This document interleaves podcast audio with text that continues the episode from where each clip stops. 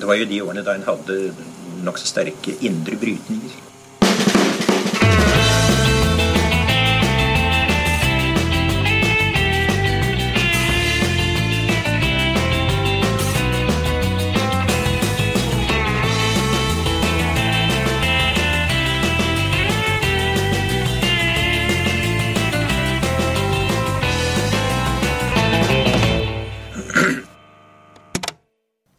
Og velkommen til Noen har snakket sammen. Mitt navn er Tiril Rustad Halvorsen.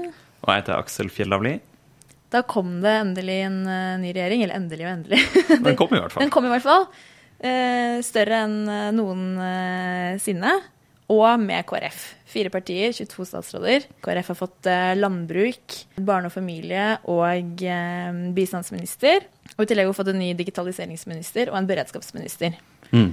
hva skal vi tro om det? Ja, det har vært mye snakk om liksom, statsråder og personer og hvem som har hvilken hatt og, og, sånne ting. Og det er jo for så vidt uh, interessant og viktig. Men enda mer interessant og viktig er det å snakke om hvordan politikk uh, står denne regjeringa for. Og det mm. skal vi jo fokusere på uh, i denne episoden. Vi skal grave oss ned i Et tema. Ja. Som er justispolitikken i denne regjeringsplattformen. og vi har ikke hørt ett ord om justispolitikken fra regjeringsplattformen ennå. Nei, så det, det, tar vi ansvar for. Så vi det har uh, invitert uh, Ida Tønnesen fra Jussbuss og Merete Smith fra Advokatforeningen til å komme og uh, hjelpe oss med å forstå bedre justispolitikken i denne plattformen. Og både snakke om det som er bra, og det som er dårlig. Ja. Men foruten justispolitikk så har jo denne regjeringen et Eh, flertall bak seg, som betyr at hele regjeringsplattformen man kan, an, man kan I utgangspunktet, i teorien, så kan alt bli politikk, for man har ikke noe storting eh, som kan eh, stoppe det lenger. Mm. Um, og så kan man jo spørre seg hva, uh, hva det har å si, både at det er en flertallsregjering, men også at det har kommet inn da enda et sentrumsparti i en høyredominert uh, regjering uh, mm. for politikken som helhet. Har den beveget seg mot sentrum, eller har den blitt på en måte mer blå mm. av å bli en flertallsregjering. Ja, jeg tenker jo det er litt sånn eh, paradoksalt, kanskje, at på, eh, på, en del sentrale måter så kan man forstå denne regjeringa som mer høyreorientert enn enn den regjeringa som var uten KrF. Og det, det, på en måte, Hvis man tenker på det matematisk, så høres jo det helt pussig ut å si det. Ja, for Fordi, det skulle jo bli minus på den ja, og pluss på den sentrumssiden. Ja, ja, summen av på en måte, de pro politiske programmene til partiene ligger jo på en måte lenger til venstre enn før. Mm. Men eh, den store forskjellen er jo at det er ei flertallsregjering. Og det gjør jo at det blir en helt eh, annen dynamikk om, om sakene. og det betyr at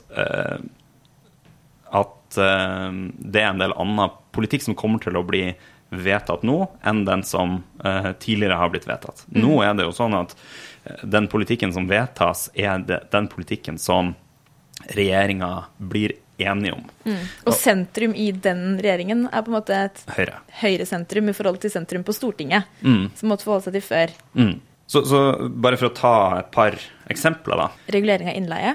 Ja, ikke sant? Mm. Eh, som også var en sånn sak der, der eh, KrF så på det som viktig familiepolitikk å eh, sørge for at eh, det ble mindre bruk av innleie og mer eh, rydda, ryddige ansettelsesforhold i, i, mm. i arbeidslivet.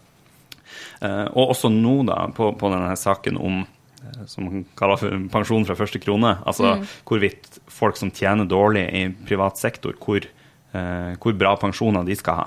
Det er også en sak som sannsynligvis eh, kunne fått et, eh, et, flertall på Stortinget, sånn som det var. Men når KrF går inn i ei eh, flertallsregjering, så kommer den ikke til å eh, få det, fordi, fordi Høyre er, er mot det.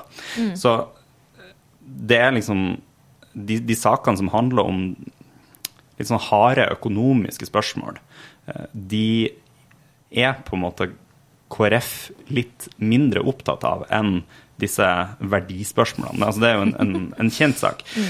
Så det betyr at i forhandlingene med Høyre så lar eh, KrF i større grad Høyre få gjennomslag for sin økonomiske politikk hvis, eh, hvis KrF får eh, noen viktige verdispørsmål eh, tilbake. Og det bærer jo denne plattformen ganske stor preg av.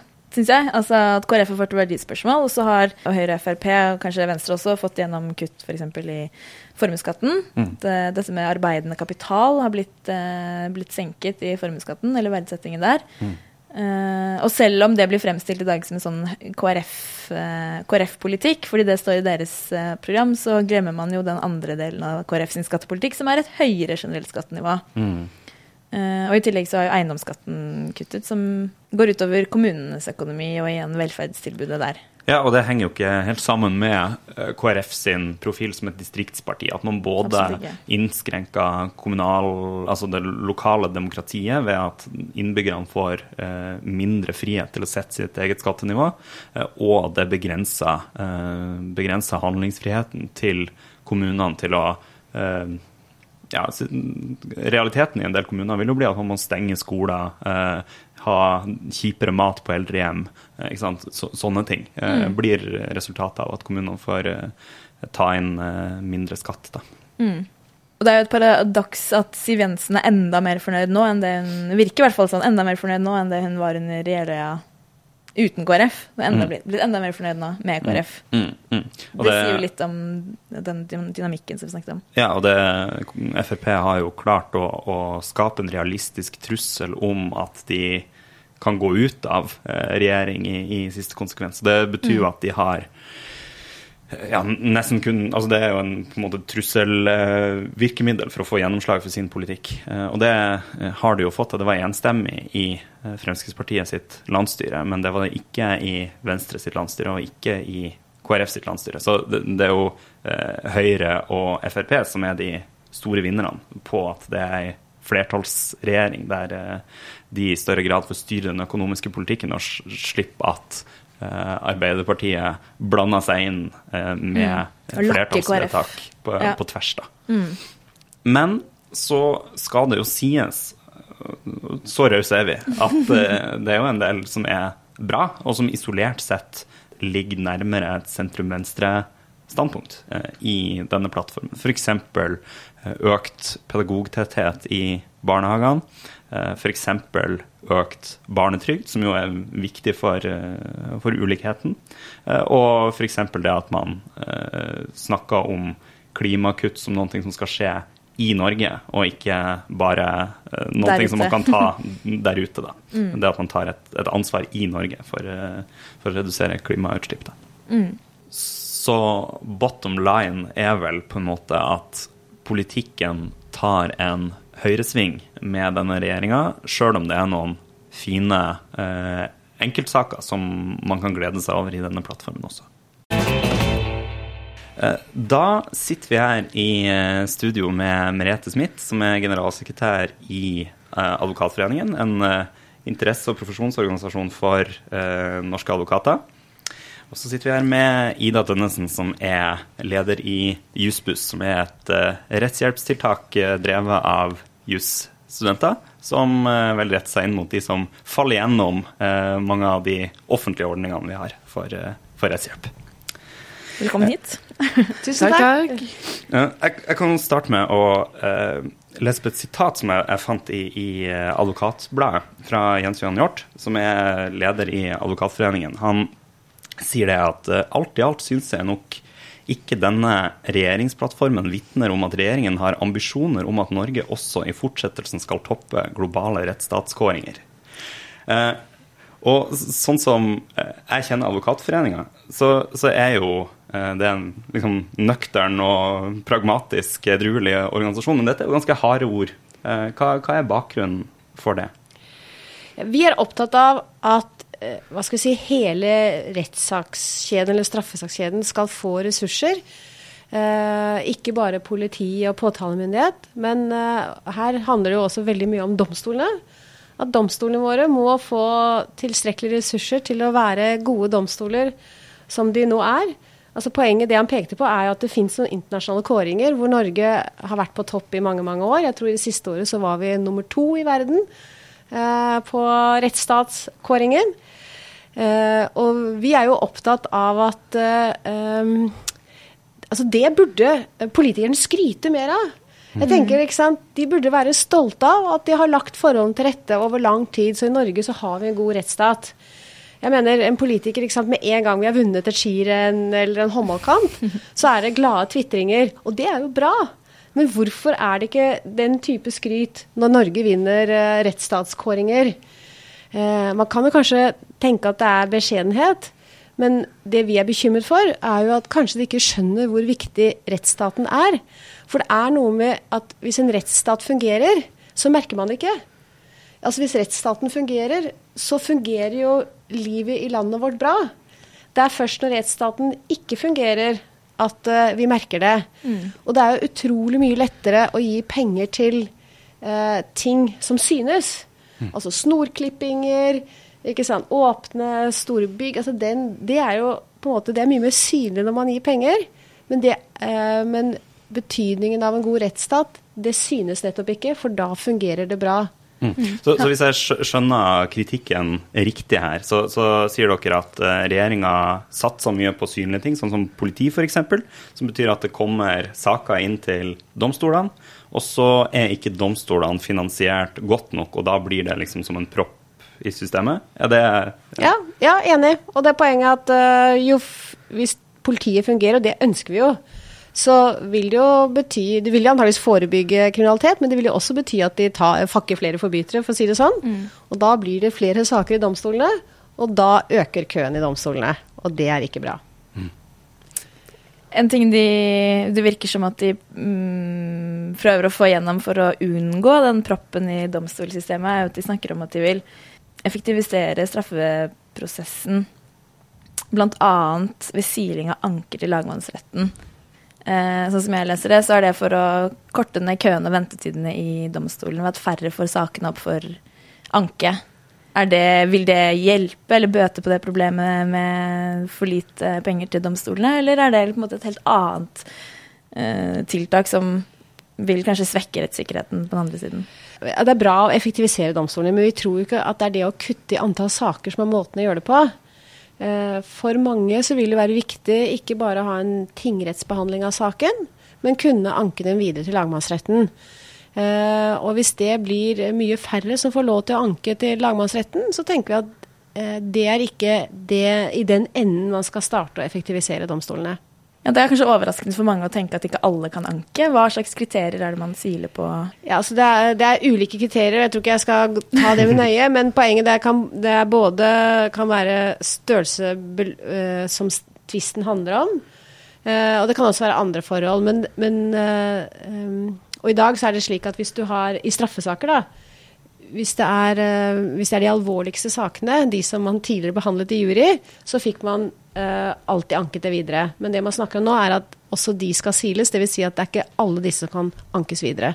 Ok, Så i, i klartekst, da. Disse aller mest alvorlige straffesakene kunne alltid tidligere ankes videre. Nå vil det potensielt være sånn at noen av de mest alvorlige straffesakene vil kunne bli sila ut nesten ja. administrativt. da. Ja, eller ikke administrativt, men, blir jo, men de blir silt ut av domstolen. Mm. Men det blir uten at man får uh, møte i retten, da, og, mm. og, selve saken blir ikke behandlet. Mm. Og det vil da svekke rettssikkerheten i disse sakene i neste instans? Ja, det tenker jeg at det, mange vil nok uh, mene at det er en svekkelse av rettssikkerheten. Mm. Og jeg tenker at jeg er helt enig at det er viktig å se på hvordan kan domstolene bli mer effektive. Og mm. det bør vi absolutt jobbe med. Hva er deres forslag der, da? Tenker, eh, et av forslagene er at vi mener at eh, domstolene bør se på eh, hvor lang skal hver sak være. Man bør bli flinkere til å tilpasse lengden på hver rettssak til den saken som skal behandles. Altså mindre viktige saker eller mindre alvorlige saker går raskere. mens det er de store og de alvorligste sakene som tar lengst tid. Jeg tror at i Norge så har vi en tendens til å behandle alle typer saker omtrent likt. Altså Det er ikke helt riktig, og dommeren vil sikkert bli litt sur på meg når jeg sier det på den måten. Men jeg tror gjennomgående så har vi en tendens til å la de små sakene eller de mindre alvorlige sakene få for lang tid i retten. Jeg tror at vi har mulighet for å effektivisere. Og det ligger masse verktøy i det som i lovverket vårt i dag, både i straffeprosessloven og i tvisteloven, men det blir ikke tatt i bruk. Men uh, Ida, uh, dere har jo uh, Man kan kanskje kalle det noen av de mest sårbare klientgruppene. De som faller gjennom en del av de offentlige rettshjelpstiltakene. hva ser du på som det som er bra og dårlig i justisdelen av regjeringsplattformen?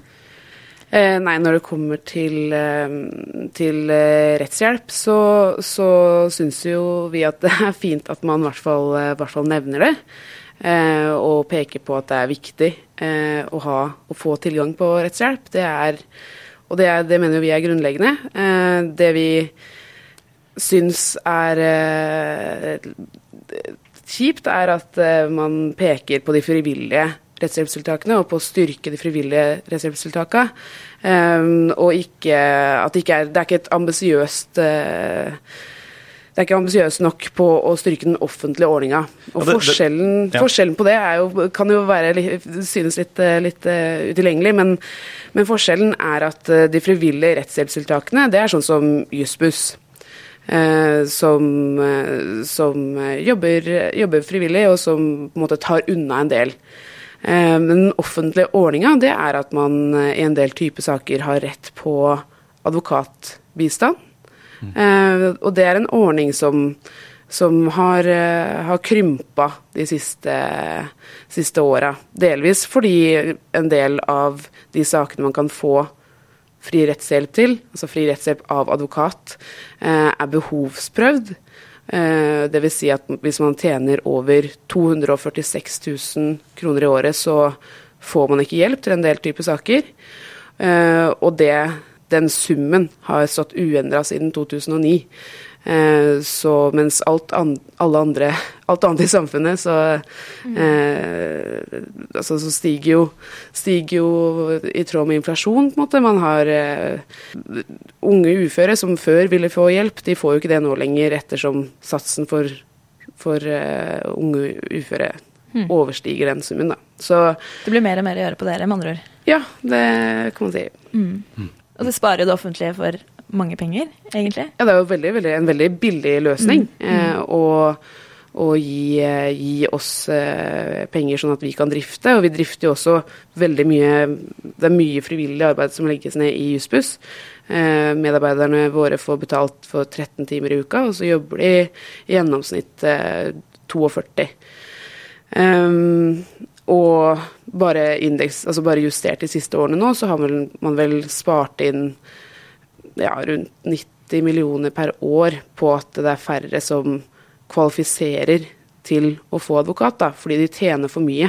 Og man tjener for mye når man tjener 250 000 kroner i, i året.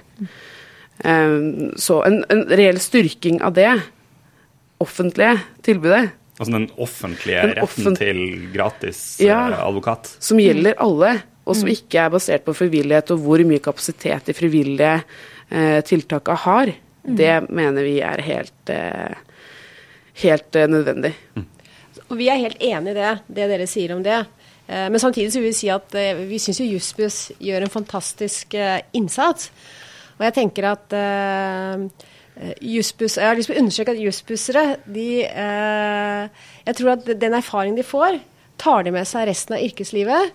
Og jeg har så ofte ansatt jussbussere senere i fast jobb hos meg. Og jeg har sett uh, som er blitt eh, engasjerte og dyktige advokater eh, senere. Så jeg tenker at den erfaringen man får som, eh, med å jobbe i jussbuss, er fantastisk. Men jeg er helt enig. Dette er et eh, frivillig rettshjelpstiltak som ikke myndighetene kan lene, seg, lene seg på som liksom et vesentlig tiltak for å gi rettshjelp til folk som ikke har råd til å betale for det selv. Men hvis vi skal skryte litt grann av eh, regjeringsplattformen, da, Ja.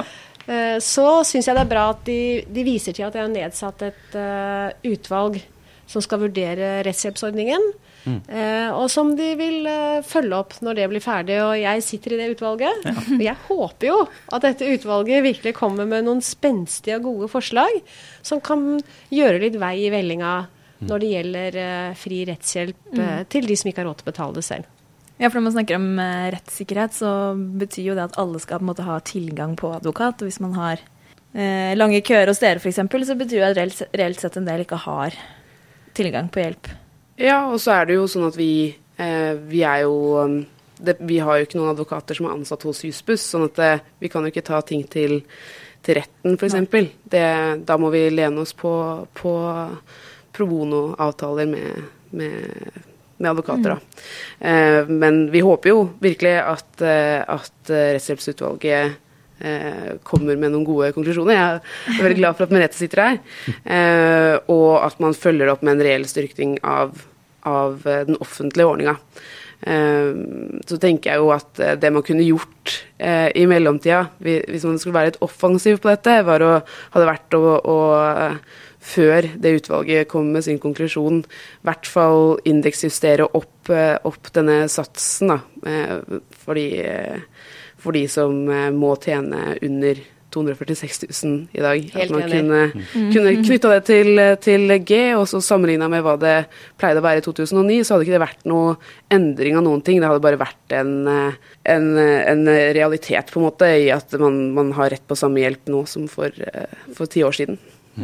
Eh, En, eh, en ting som eh, vi har snakket om både i podkasten her, og som både jeg og andre har skrevet litt om i Agenda Magasin, er jo det som heter avbyråkratiserings- og effektiviseringsreformen.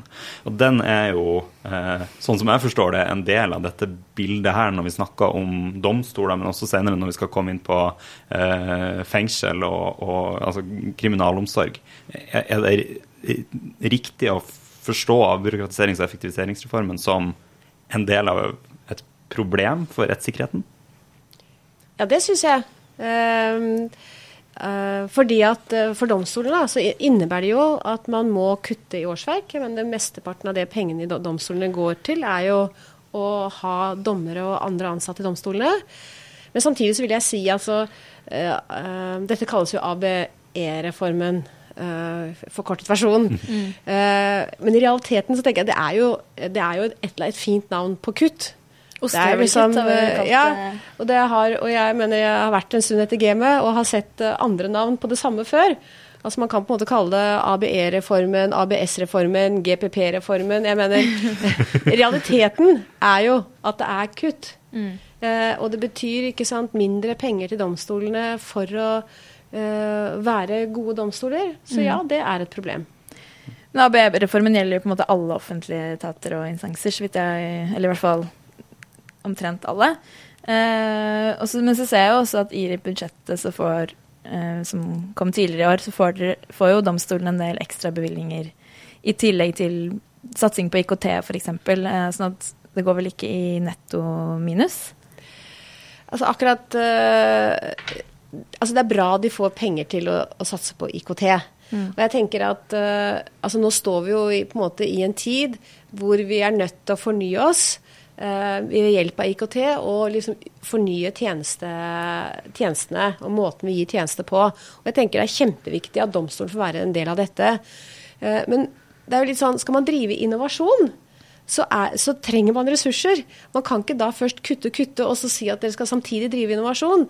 For eksempel, Hvis vi tar et annet, eh, en annen sektor i samfunnet vårt, helsesektoren, der har man jo skjønt at skal man virkelig få nytte av eh, IKT og få dette til å fornye og forbedre helsesektoren, så må man satse.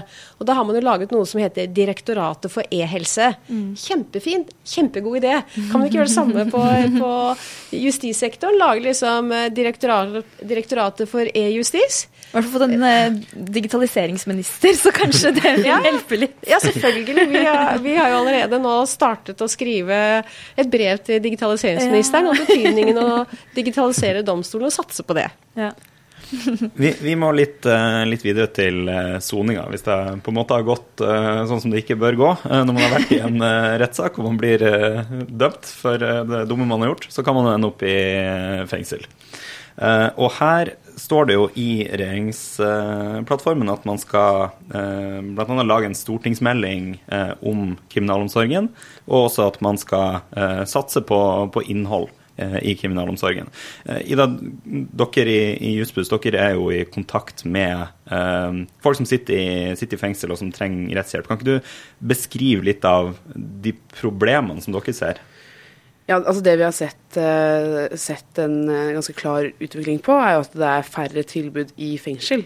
At man blir satt i fengsel, og så blir det en oppbevaringsplass. Og det handler også om, om kutt over tid. Eh, er Men hvorfor er det et problem?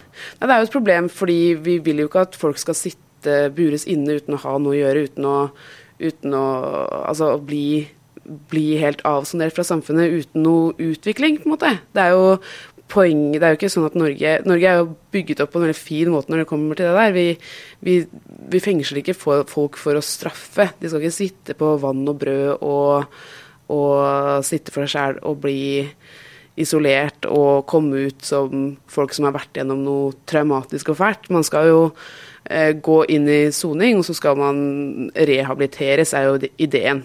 Og det krever ressurser.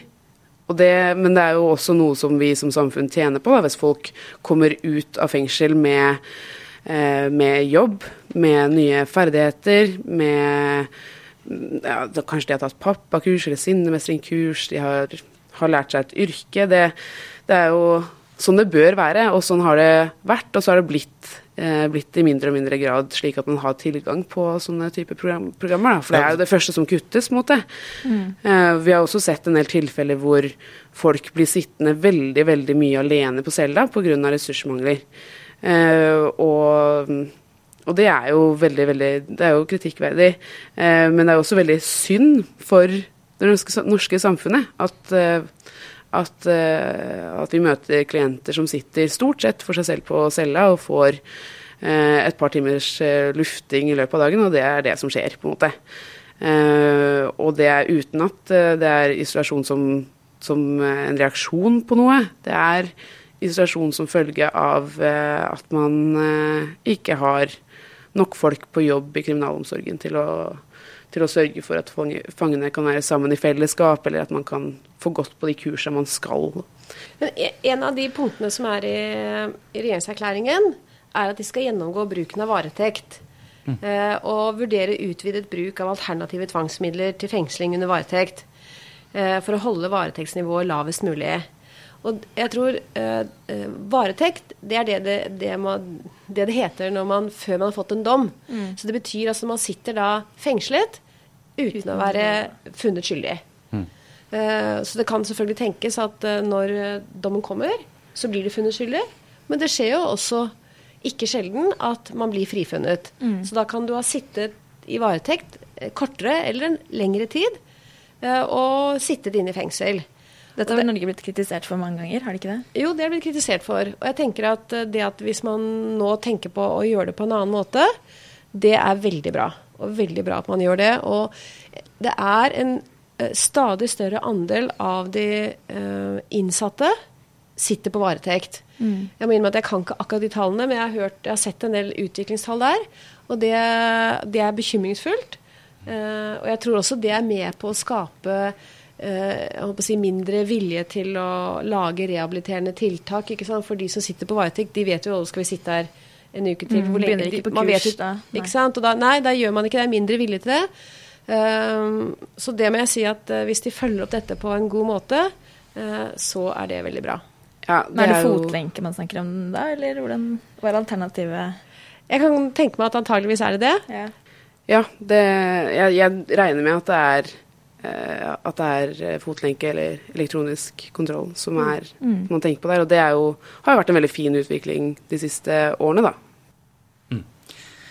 Et Siste um, moment i, i regjeringserklæringa som jeg har litt lyst til å spørre om, det er et oppslag som var i Vårt Land uh, denne uka her, der de overskrifta på forsida var vel noe sånt som at uh, regjeringserklæringa åpna for fengsel for barn. Uh, og uh, da tenker man jo umiddelbart at oi, men vi har jo det sånn i Norge at vi skal jo ikke straffe barn. så dette må jo være litt mer komplekst uh, enn det. Hva er, hva er forklaringa bak her? Altså, sånn som jeg har forstått det, da, så, så tenker de at de også skal på en eller annen måte skal kunne få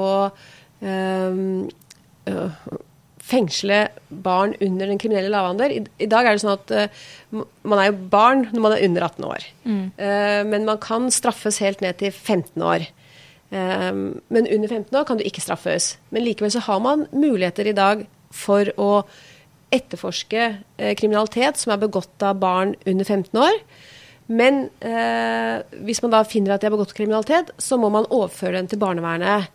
Og barnevernet har i seg muligheter til å, å holde dem eh, innelåst, for å si det, eller, eller, i hvert fall ta i tvangsbruk, eller tvangsmidler i bruk. Men det må være til behandlingsformål. Mm, ikke. ikke- sant? Så det må være for å behandle dem. Eh, og det har de muligheter til i dag. Eh, men jeg, sånn som jeg forsto det oppslaget som var i avisen, så, så, jeg, så forstår jeg det som at de ønsket nå å lage noen institusjoner da, for, å, for å ha steder hvor man faktisk kan behandle disse barna. Eh, og jeg tenker at eh, sånn som jeg kjenner dette feltet, så ha, har man et tilstrekkelig godt regelverk, men man har ikke hatt steder eh, hvor man kan behandle disse barna på en god nok måte og på en ordentlig måte. Eh, for det er jo et stort inngrep eh, å tvangsbehandle barn under 15 år. Virkelig, altså. Mm. og da bør det gjøres i de tilfellene hvor det er absolutt nødvendig, og hvor man tror man kan få det til og få en god behandling. Og det må gjøres på en skikkelig måte av kompetente mennesker som er utdannet til dette. Men jeg er bare nysgjerrig på det begrepet behandling. fordi litt sånn som jeg ser dette forslaget, så kommer det eh, i lys av at man har hatt eh, gjenger og vold utført av barn under 15 eh, i Oslo. Disse ungdomsgjengene som man eh, ser om i avisene. Og at man ikke har visst hva man skal gjøre for å måte, holde de unna gata. Eh, men det er jo et stykke fra behandling til å holde det unna gata, sånn som jeg ser det. Ja, altså hvis man skal lese det i, i, det, i det lyset Jeg, jeg vil ikke eh, konkludere med, med hva som er eh, meningen eh, bak det, men, men hvis det er for å eh, håndtere gjengproblematikk i Oslo, eh, så tenker jeg jo at det er veldig mange andre og bedre måter å løse det på. Og, og satse ordentlig på forebygging. Eh, så tenker jeg, hvis, hvis det er det som er, eh, som er tanken, da, så, så tenker jeg at det fins bedre måter å, å løse det på med forebyggende arbeid. Og så ikke minst, dette er unge mennesker. Eh, og hvis man har fokus på straff eller i realiteten straffelignende tiltak, hvis det er det det er, da, så tenker jeg at sjansen for at de da kommer inn i en kriminell løpebane, eh, at de begår nye straffbare forhold, at de blir fengslet, at det blir et langt liv med denne type ting som skjer. Altså Tenk hvor mye det koster for myndighetene. Altså det, blir, det, det er kjempedyrt.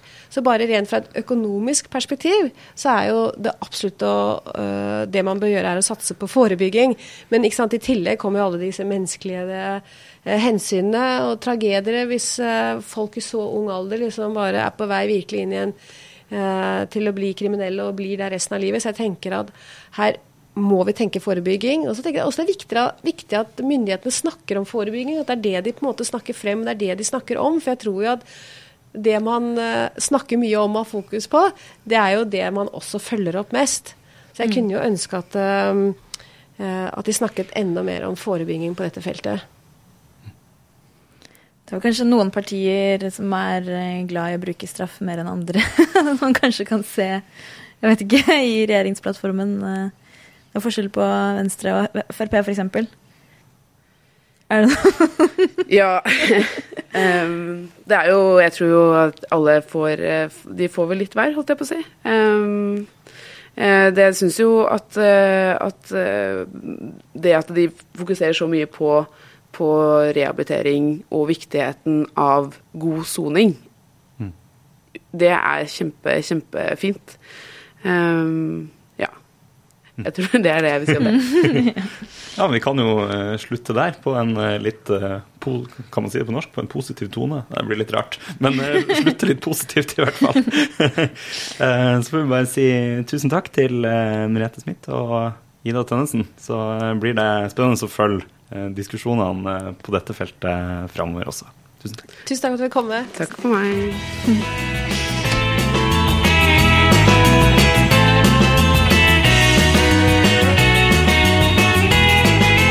Ja, da gjenstår det jo bare å komme med en eh, liten anbefaling, sånn som vi bruker å gjøre. Eh, Yes. En anbefaling hver. Mm. Så du kan få starte, du.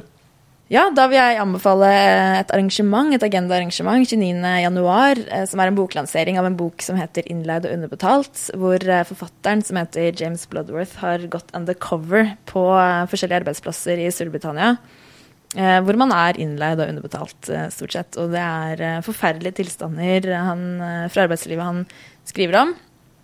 Det er arrangement på Kulturhuset med Jonas Bals, Elin Ørjasæter, Siri Gjeddedal og forfatteren selv.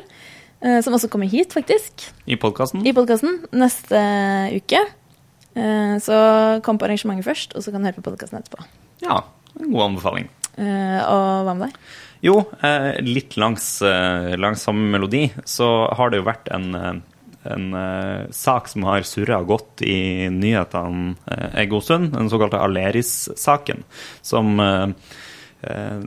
Podkasten som jeg for har anbefalt før, den som heter Røsla, hadde en ok episode nå, det er vel siste, siste episode som, som handler om Aleris-saken, og som forklarer litt hva, hva den eh, går i. Så det, altså det er jo en, en, en sak som eh, handler om litt av det samme som eh, den innleide underbetalt-boka går på, fordi eh, det er snakk om eh, at man ikke er eh, ansatt sånn som man jo burde være i Aleris, men heller er innleid som selvstendig næringsdrivende. Så sjekk ut den episoden. Bra. Eh, som sagt, da får vi forfatterbesøk eh, neste uke. Det blir bra. Vi ses. Ja. Høres. Høres, vi høres.